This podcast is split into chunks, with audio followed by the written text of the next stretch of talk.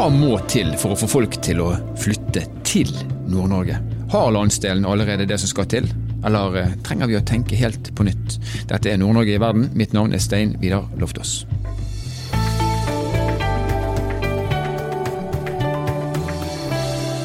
I denne andre episoden fra Nord-Norge-dagen under Arendalsuka skal vi rette fokuset mot løsninger. For dersom vi skal lykkes med ambisjonene, så trenger vi flere folk. Det har vi snakket om mange ganger i denne podkastserien. Men hva kan egentlig kommuner og arbeidsgivere gjøre for å skape steder som folk faktisk ønsker å flytte til? Ordstyrer her er Gudrun Guldal, som er leder av Samfunnsløftet for Sparebank1 Nord-Norge. Aller først så skal vi få et innlegg av en politisk ringrev, må jeg få lov til å si. Viktor Nordmann ledet demografiutvalget som la fram sin rapport på slutten av 2020, i en periode hvor landet først og fremst var preget av pandemi. Han advarte oss da mot å sitte stille i båten hvis Distrikts-Norge skulle bli noe mer enn et gamlehjem i naturskjønne omgivelser. Og er det noen som føler seg truffet her nå, så håper jeg virkelig det, for hva er det vi har gjort siden den gang? Båten har jo hatt nok med å lose oss gjennom en pandemi. Og så, etter det, så traff bølgen av en ny krise oss. Befolkningsutvikling, det går sakte. Og så havner det lett litt sånn langt ned på agendaen av den grunn. Men i dag så er det øverst på agendaen. Vær så god, Viktor Nordmann. Timer har jeg? Fem minutter. Ja, Altfor lite. Altså, det, det er veldig, dette er veldig enkelt. Eh, Nord-Norge har etter min mening fantastiske muligheter. Men da må en ha veldig klart for seg at eh, problemet ikke er å stoppe en flyttestrøm fra Nord-Norge til Sør-Norge, for den har stoppet av seg selv. Eh, det er ikke noen unge igjen. Eh, det er noen få unge i Tromsø og sånn, men, men altså relativt sett er det ikke noe potensial for å tømme Nord-Norge. Eh, med mindre man vil eksportere gamle mennesker. Eh, så det må flytte unge mennesker til Nord-Norge for at dette målet skal kunne nås. Og da blir spørs det spør spørsmålet man må stille seg hele tiden hvordan kan vi overbevise unge søringer om at det er verdt å prøve livet i nord? Eh, så er det mange som vil si at det er egentlig en håpløs oppgave, fordi at eh, Nord-Norge er jo Distrikts-Norge, og ungdommene vil ikke bo i distriktene. Men Nord-Norge er jo ikke det. Nord-Norge er nesten det mest urbane området vi har i Norge. Nord-Norge er kjennetegnet av byer. De fleste bor i byer. I Sør-Norge er det mange som bor på landet. Men i Nord-Norge bor hovedtyngden i små og store byer. Så det burde egentlig for unge urbanister være mer spennende å prøve seg i Nord-Norge enn å prøve seg i Gudbrandsdalen eller Hallingdal eller et eller annet sånt sted. Bare for å ha sagt det først. Eh, det andre er det må være mulig å prøve seg. Og det er kanskje det vanskeligste her. Eh, eh, for vi skal ta søringer til å prøve livet i en liten eller en stor by i Nord-Norge. Eh, søringer som knapt nok vet hvordan, hvor Nord-Norge er, og i hvert fall ikke har vært der annet enn på en pen sommerdag en gang. Og når de kommer, så vil noen av de få seg en ubehagelig overraskelse. Noen av de kommer til å angre. Og i det blikk de angrer, så må de ha muligheten for å reversere beslutningen uten at det koster de veldig mye.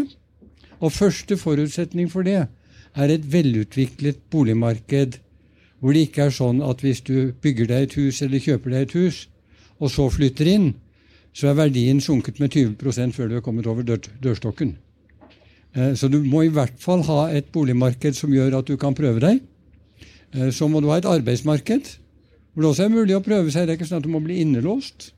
Den gjennomsnittlige, rimelig velutdannede unge norske kvinnen, og det er stort sett kvinner vi snakker om her, for flytter kvinner, så flytter mennene etter. Eh, flytter mennene, så blir kvinnene, for å si det sånn. Så, så eh, en, en, gjennomsnittlig velutdannet ung norsk kvinne tar sikte på en karriere hvor de bytter jobb i hvert fall syv ganger i løpet av sitt yrkesaktive liv. Da vil ikke være innelåst i én god jobb, selv om den er på et flott sted i Nord-Norge. De vil ha muligheten til å utvikle seg videre.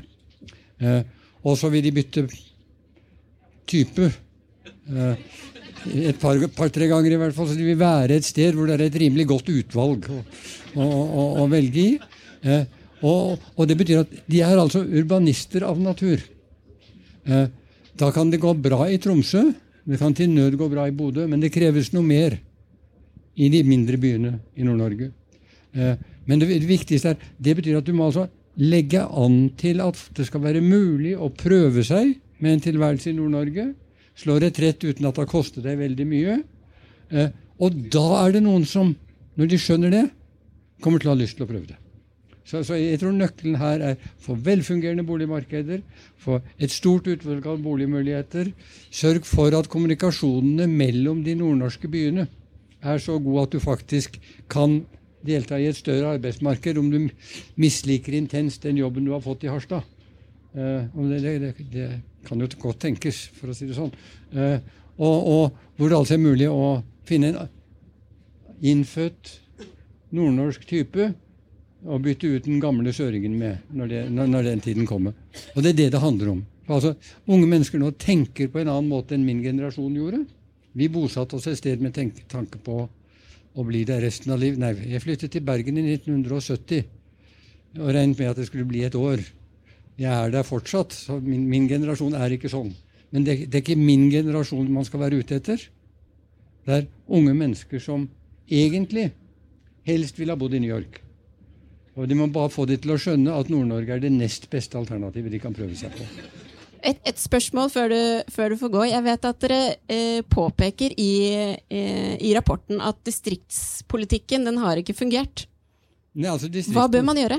Ja, Distriktspolitikken handler, har tradisjonelt handlet om å skape arbeidsplasser. Man trodde at det som førte til avfolkning i distriktene, var mangel på arbeidsplasser. Altså brukte vi alle pengene på å skape arbeidsplasser. Eh, og i håp om å stoppe strømmen av ungdom fra bygd til by. Så lagde vi arbeidsplassene, og så stoppet vi ikke strømmen. Og Da kan vi ikke tro at de arbeidsplassene som ikke var gode nok for de innfødte, at de arbeidsplassene skal være attraktive for de som ikke engang er født der. Det er ikke mangel på jobber. Det er mangel på bolyst.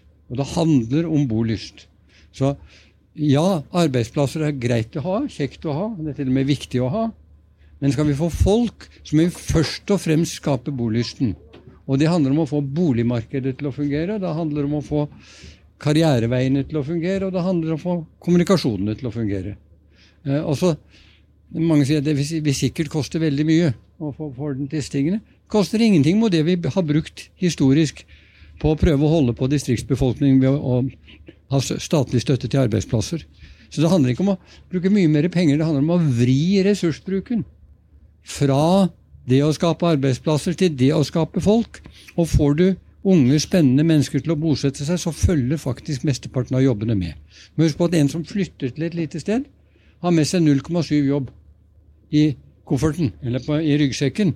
Fordi at 70% av jobbene i Norge består av å yte tjenester til lokalbefolkningen. Sånn? Så, så de, skaper, de har nesten med seg en hel jobb i ryggsekken. Så det viktige er å få folkene ut få folkene ut fra Grünerløkka og skjønne at det finnes faktisk praktfulle steder i verden også andre steder enn på Grünerløkka. Noen av oss har jo skjønt at de fleste steder er bedre enn Grünerløkka, men må altså overbevist flere. og så, tømme, altså Det er veldig flott at vi har et glitrende universitet i, i Tromsø, men det hadde vært enda bedre om vi kunne klare å få avgangskullene fra Universitetet i Oslo La å si at nå har vi hatt nok av Oslo. Nå har vi lyst til å prøve noe nytt og så selge den muligheten. og så gjør det klart. Dere kan, gi. dere kan altså angre. Det er angrefrist. For da får vi de til å prøve. Ja. Takk skal du ha. Ja. Det var godt sagt, sant?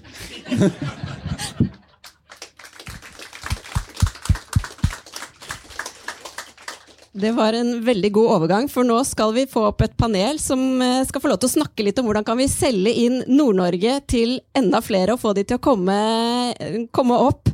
Eh, Ingvild Skogvold, daglig leder i Rana-regionen næringsforening, kan komme opp og, og, stille dere her. Liv Barten Ulriksen, som er konsernsjef i Sparebanken Nord-Norge, og Christian Kramer, som er områdedirektør i NHO. Jeg skal begynne med deg, Ingvild. For to år siden så tok du med deg mann og barn, og du fulgte kanskje oppfordringen fra Viktor Nordmann her om at eh, det var nok av Oslo og Vålerenga som du bodde på da. Flyttet opp til Mo og Utskarpen, der mannen din kommer fra. Du er jo en del av denne motstrømmen som de etterlyser i rapporten. Og de neste årene vet vi at Rana skal tiltrekke seg flere tusen nye arbeidstakere eh, som skal komme med Er det damene som skal komme og ta med seg mennene? Var det sånn vi lærte det var? Ja. ja. Hvordan skal dere få flere til å sette kursen nordover til Mo? Vi, uh, ja, den er på. Uh, vi har jo De beste prognosene våre er at befolkningen i Rana kommune pga. det Hege snakka om tidligere, med Freyr sine battericelleetableringer, vil vokse med 20 det er jo helt massivt. Vi snakker om et vekstsjokk. Uh, og um, det uh, Jeg tror det, det Viktor Nordmann var inne på i stad, det er det vi nå jobber med i praksis. Uh, for vi kan ikke hente disse fra Mo i Rana, vi kan ikke hente de fra Helgeland. Vi kan egentlig ikke hente de fra Norge heller. Vi skal, ja, vi skal ta og avlaste Oslo og Bergen og Tromsø kanskje også, og Trondheim. men vi skal også gå internasjonalt. Så det er en ekstra dimensjon med det vi må få til i Rana, som jeg tror er kjempeviktig for uh, andre plasser i Nord-Norge som står overfor disse store, grønne industrietableringene. Det er ikke bare viktig for Nord-Norge, det er også viktig for Norges evne til å lykkes med grønn omstilling. For hvis ikke man lykkes med det vi skal satse på nå, Uh, og, og, lykkes med i praksis. Så hvordan, hvordan, skal andre steder lykkes med den grønne omstillinga da? Uh, så derfor skal vi gjøre alt vi klarer sjøl, uh, men vi vil gjerne også ha litt drahjelp her og der. fordi det, ha, det, at vi kan fungere som pilot, da, og at vi kan høste av erfaringer for hva som funker for andre steder, tror jeg blir kjempeviktig. Um, og vi må senke terskelen. Uh, jeg merka det sjøl da jeg skulle flytte, at uh, jeg skulle gjerne testa det et år. Altså. Selv om vi hadde venner og familie. Så, så, og det å flytte er kjempeskummelt. Du flytter med ungene dine. Du, du, du river livet ditt opp med røttene, og du veit aldri hvordan det blir. Uansett hvor fint det er det stedet, og hvor lenge du har tenkt. Jeg tenkte på det i ti år. altså det her var nøye gjennomtenkt. Uh, vi skal nå rekruttere folk fra hele verden, og som ikke De har knapt, mange av de, hørt om Norge før. Uh, vet i hvert fall ikke hvor Mo i Rana ligger. Uh, så det med bolig blir kritisk. Uh, vi kommer til å trenge 2000 cirka, nye boliger i 2030. Og vi må ha et utleiemarked også. For vi, vi må ha så lav terskel som overhodet mulig. ikke bare bolig, informasjon. Du må ha tilgjengelig og god informasjon. Hvis du søker Mo i Rana på nett, så må du få et godt inntrykk av hvordan det er å bo og leve her. Hva slags tilbud er det vi har? Og Uh, jobb til partner. Det snakker vi for lite om. Det jobber vi veldig konkret med i Mo i Rana uh, og Rana-regionen. Vi har et sånn veldig samhold i næringslivet da, som jeg tenker er en styrke. Eh, for næringslivet. Vi spiller veldig veldig godt sammen. Uh, klarte jo å, å, få 150 millioner til ny flyplass. Null problem. Kommunen la 450 millioner på bordet. Man, veldig, man ser veldig lite utfordringer og bare leverer. Um, og det samholdet bruker vi nå til å tenke ja, Freyr de har jo, jeg, tror de kommer til å lykkes med å rekruttere de 1500 de trenger. Og de kan ikke gjøre alt det andre sjøl. Da er vi et lag sammen som skal sørge for at vi får at samfunnet rundt og næringslivet får ut utnytte den muligheten som nå kommer. Uh, og Det betyr et internasjonalt arbeidsmarked i Rana-regionen. Flere må være villige til å ansette folk som ikke snakker norsk, og som snakker engelsk. Vi kan ikke vente og si om to år kan partneren din lære seg norsk, og så kan hun få jobb her. Da drar de folka til Silicon Valley, liksom. Og en siste ting som er superviktig. Uh, å komme som uh, kompetanseperson til Norge internasjonalt tar altfor lang tid og er altfor komplisert. Uh, så dette handler om også at Norge må ta tak i det å åpne grensene for flere den type arbeidsinnvandring. Liv, jeg har lyst til å snakke med deg om unge voksne som jeg snakket om, som må se nordover. For omtrent et år siden så var du på en rundebordskonferanse med 50 unge voksne. Det var flere her som deltok der. Og jeg vet at de kom med ganske klare tilbakemeldinger til deg som næringslivsleder når det kommer til rekruttering. Har du lyst til å dele bestillingen de kom med? Det vil jeg være, veldig gjerne gjøre. Og jeg må bare si aller først, jeg er så glad for at vi fikk anledning til å følge dem over en lang periode. Det var 50 ungdommer som er som ungdommer flest, med veldig klar tale, et direkte språk. De er djerv, de er stolt, og de er utålmodige. Og utfordringa vår blir noen gang at vi bare hører, og vi gjør ikke. Vi lytter ute eh, med en mine som om at vi er interessert og vi eh, føler med dem.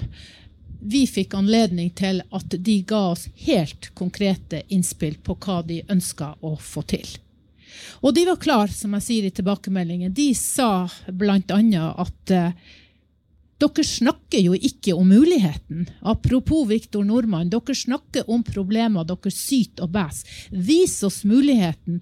Snakk på en sånn måte at vi forstår det, og vis dem frem. Gjør det. Det andre de nevnte for oss, det var at eh, det er en utbredt tradisjon på at uh, dere snakker om at det er behov for arbeidskraft, men hvor i Herrens navn er de å finne? Vi ser nesten ikke en eneste jobb som er lyst ut. Dere bruker nettverk blant deres venner og blant naboen og lyser nesten ikke ut ei eneste stilling. Slutt med det hvis dere vil ha oss nordover. Og så sa de at uh, arbeidsgivere, nordnorske arbeidsgivere er ikke på utdanningsinstitusjoner. Det kommer til å bli et rotterace av oss som arbeidstakere. Dere må jo vise dere frem hva dere har å by på, eller så mister dere oss. De fleste har fått seg jobb lenge før de er ferdig med utdannelsen. Hvor er dere? Og i den grad dere er der, så er dere i Tromsø og Bodø og en par plasser til, men vi studerer faktisk i Trondheim, Bergen og Oslo. Hut dere dit sa de. Og så sa de også at det å komme nordover, det handler ikke bare om arbeidsplassen. Det handler om det øvrige offentlige virkemiddelapparatet. Vi trenger infrastruktur. Vi trenger å vite at dere har et skikkelig helsevesen. Vi trenger å vite at dere har et utbygd tjenestetilbud. Og så tok Viktor Nordmann fra meg et godt poeng. Og nå er jeg damer, og jeg er leder i en nordnorsk bedrift. Og det er sånn i nordnorsk næringsliv som, som det er i næringslivet for øvrig. Det er en dominans av menn. Så hvis dere tenker litt mer over hvordan dere skal rekruttere damer, så gjør dere et skup, for det er noe med damer. Vi føder fortsatt barn. Og det er vi som oftest bestemmer hvor familien skal bosette seg første gang. Og vi tar ofte med oss en mann for en lengre eller en kortere periode.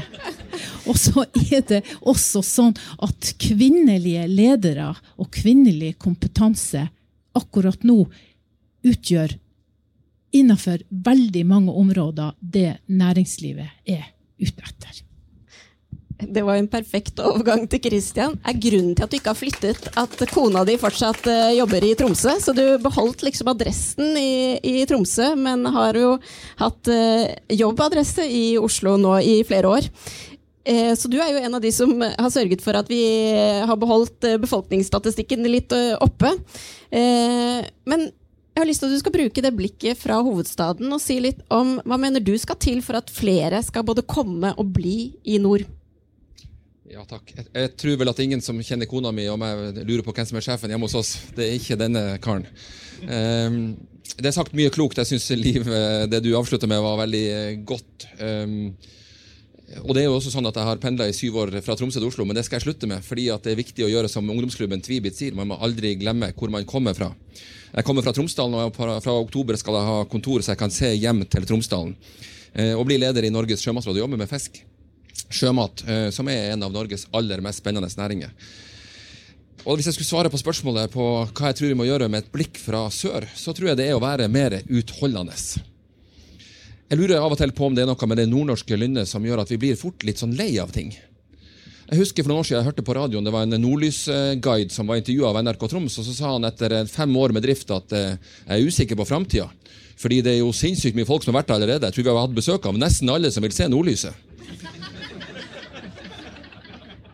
Og jeg tenker Det er litt sånn nordnorsk fatalisme.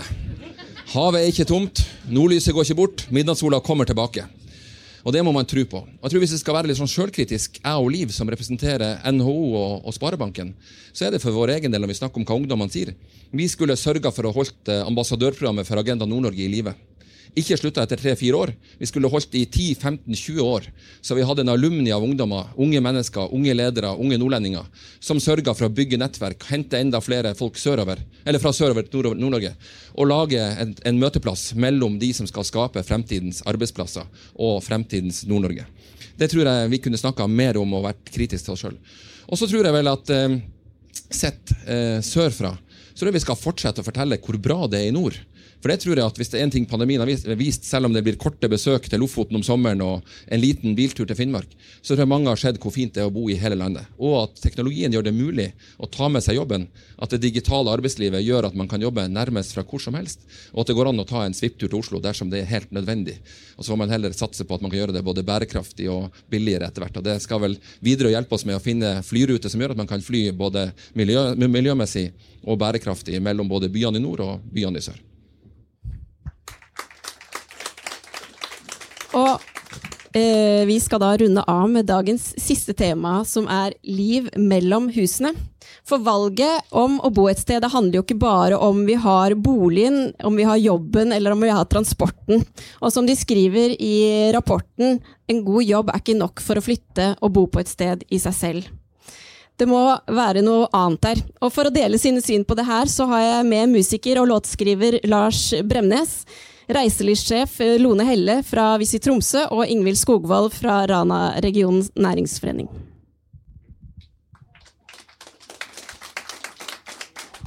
Bare, bare trekk innover her, du. Ja. Slått. Vi skal begynne med deg, Lars. For du flytta til Tønsberg for to år siden. Ja. Men eh, jeg tror ikke det er noen i publikum her som er i tvil om at hjertet ditt det er i nord. Ja. Og du har jo tonesatt sammen med søsknene dine eh, noen strofer som faren din har skrevet, og som kanskje for meg i hvert fall setter veldig eh, ord på det. Og det er at det bli folk i husene. Må dere bære over med nordnorsken min, altså. Husene er som folk. Folk trenger hus, og hus trenger folk i all si tid. Det stemmer. Hva mener du vi kan gjøre for å få folk i husene, og ikke minst skape liv mellom alle husene i denne store, lille landsdelen? Eh, jeg er jo egentlig feil person å spørre, for jeg, jeg, jeg, er jo ikke en representant for ungdommen lenger. Men så jeg spurte mine barn, de er 27, og de svarte omtrent det som har kommet frem her før i dag. altså.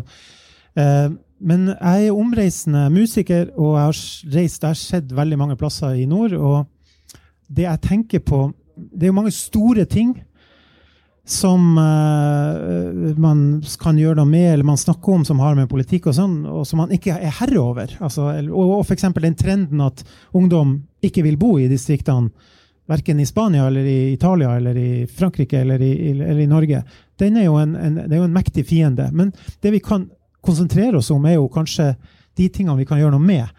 Og det er det jeg vil kalle den første touchen. Altså, når du kommer til et sted hva er det som tar deg i handa? Og der er vi litt slørvete. Og det er jeg slørvete sjøl. Jeg brukte to år på å reparere ringeklokka på huset mitt. ikke sant? Men det syns jeg jo alle de små plassene kan tenke på. Hvordan, vi, hvordan er det å komme uh, altså Når jeg kommer til en, en, skole eller et kulturhus, og sånt, så er det spørsmål er det noen som kommer og er det noen som kommer og tar deg i handa, for det første? Det er ikke selvsagt. Er det noen som på kopp, byr på en kopp kaffe? Er det noen som sier trenger du bærehjelp? De der enkle tingene de ryker, syns jeg, ofte fort på uh, Jeg har si Du lander på Evenes flyplass. Det er en flyplass i Narvik, uh, Harstad, hele Lofoten. Uh, to, to, kunstnere er representert der. Karl Erik Harr og Carl Gustav Gjertsen, som er fra hver sin by. De er nå plassert i skammekroken fordi at Avinor har satt opp De må ha opp noen skjermer, de må ha noen søppelbøtter, de må ha noe, de må ha noe drit overalt. Uh, og det du sier da, det at folk som kommer dit Her er en flyplass, men det, det kunne ha vært hvor som helst. Vi har ikke noe by på her. Når du på en måte ikke er stolt av de som lager noe, de som, de som har skapt noe i landsdelen. Kommer du til Thon hotell i, eller Scandic i, i Svolvær, så har de spillelister som kunne ha vært laga hvor som helst. Så sier jeg, fortell meg, hva er det dere spiller her? Vi er kommet til Lofoten. Hva er det slags Jeg hører ikke en tone. Du hører ikke engang Mari Boine eller Jan Garbarek eller, eller a-ha engang. Så sier han nei, det er som spilles, vi, vi får det fra Stockholm. Ok, ja. Det er første, første touch. Ikke sant? Det, det, her var jo sånn perfekt overgang til eh, Lone. For det, det, her møter jo ikke bare de som kommer eh, til Nord-Norge for å bo der. Det møter jo eh, alle som kommer dit for første gang. Eh, du leder jo et destinasjonsselskap, eh, og jeg vet at dere ønsker å bidra aktivt til gode lokalsamfunn, også for lokalbefolkningen. Hva kan egentlig reiselivet bidra med? Reiselivet det er jo det som eh, byr på opplevelsene. det er det du gjør når du ikke er på jobb eller hjemme. Det er å være ute og spise, det er å være på byen og shoppe, det er å være på opplevelser, det er å være på eh, museum, andre attraksjoner. Så vi byr jo på noe for alle. Både de som kommer på besøk, de som bor der, de som forhåpentligvis skal fortsette å bo der, de som flytter bort, men kanskje forhåpentligvis kommer hjem, eh, og de vi ønsker å tiltrekke oss både for å studere, men også for å jobbe i perioder. Eh, og vår region er jo som vi har vært inne på tidligere i dag, full av spennende muligheter og arbeidsplasser. Og da er det jo vi som gjør at partneren også får lyst til å bo, i tillegg til den som skal komme og jobbe. Jeg vet, Ingvild, at du har bl.a. snakket om digital tilstedeværelse. Så allerede før man kommer på flyplassen, så må man på en måte bli tatt imot. Hvordan kan kommuner og arbeidsgiver legge bedre til rette for de her møtene, og sørge for at vi ikke bare kommer, men at vi faktisk blir der?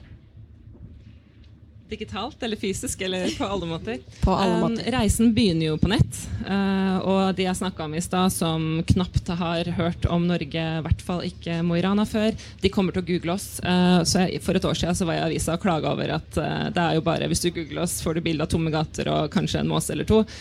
og heldigvis så går ting veldig fort. så nå lanseres om noen uker moirana.com. Og det, Tanken med det er jo at det kommer til å være en portal som kommer til å vise fram uh, alt det vi har å by på. Vi har utrolig mye å by på. Vi har et utrolig spennende og variert arbeidsmarked. Det skjer utrolig masse i foreningslivet. Det skjer uh, masse i kulturlivet. Vi har Nordland Teater. Altså, vi har så mye. Vi må gjøre all den implisitte informasjonen som man oppdager når man flytter hit. Jeg har oppdaga masse, blitt veldig positivt overraska på mange måter. Vi må gjøre den eksplisitt og synlig og få den ut. Men er vi liksom hyggelige nok, som Lars er inne på? Altså når man kommer inn, Blir man invitert inn på kaffe, og kommer det noen og, og hilser på deg og tar deg i handa? Hvordan får man til liksom den Altså I forhold til Oslo, hvor folk nesten ikke hilser på altså de, går, de, venter jo inne i leiligheten sin til de hører at det ikke går noen i trappa før de kommer ut. Eh, veldig hyggelig i Mo i Rana i forhold til det. Jeg kan knapt gå i butikken. Jeg bruker en halvtime i butikken, for jeg treffer så mye kjenninger. Altså det, um, det, her var en perfekt avslutning. Jeg beklager, nå er jeg for sånn blinker, nå er det overtid. Nå må jeg passe på tida her. Tusen takk for at uh, dere deltok, og takk til alle i panelet. Uh, og ikke minst til dere som kom og hørte på. Dette er første gang vi gjennomførte det som heter Nord-Norgedagen på Arendalsuka. Vi har beveget oss ut av landsdelen for å snakke om mulighetene i nord. Og jeg håper at dere alle sammen fortsetter med de samtalene og holder fast i det dere har tenkt i løpet av dagen i dag. Og så ses vi igjen. Og det var det vi hadde fra Nord-Norge-dagen under eh, Arendalsuka. Eh, men neste uke så er vi tilbake med et eh, litt annet tema. Det berører Nord-Norge det også. Vi skal nemlig snakke om digital kriminalitet.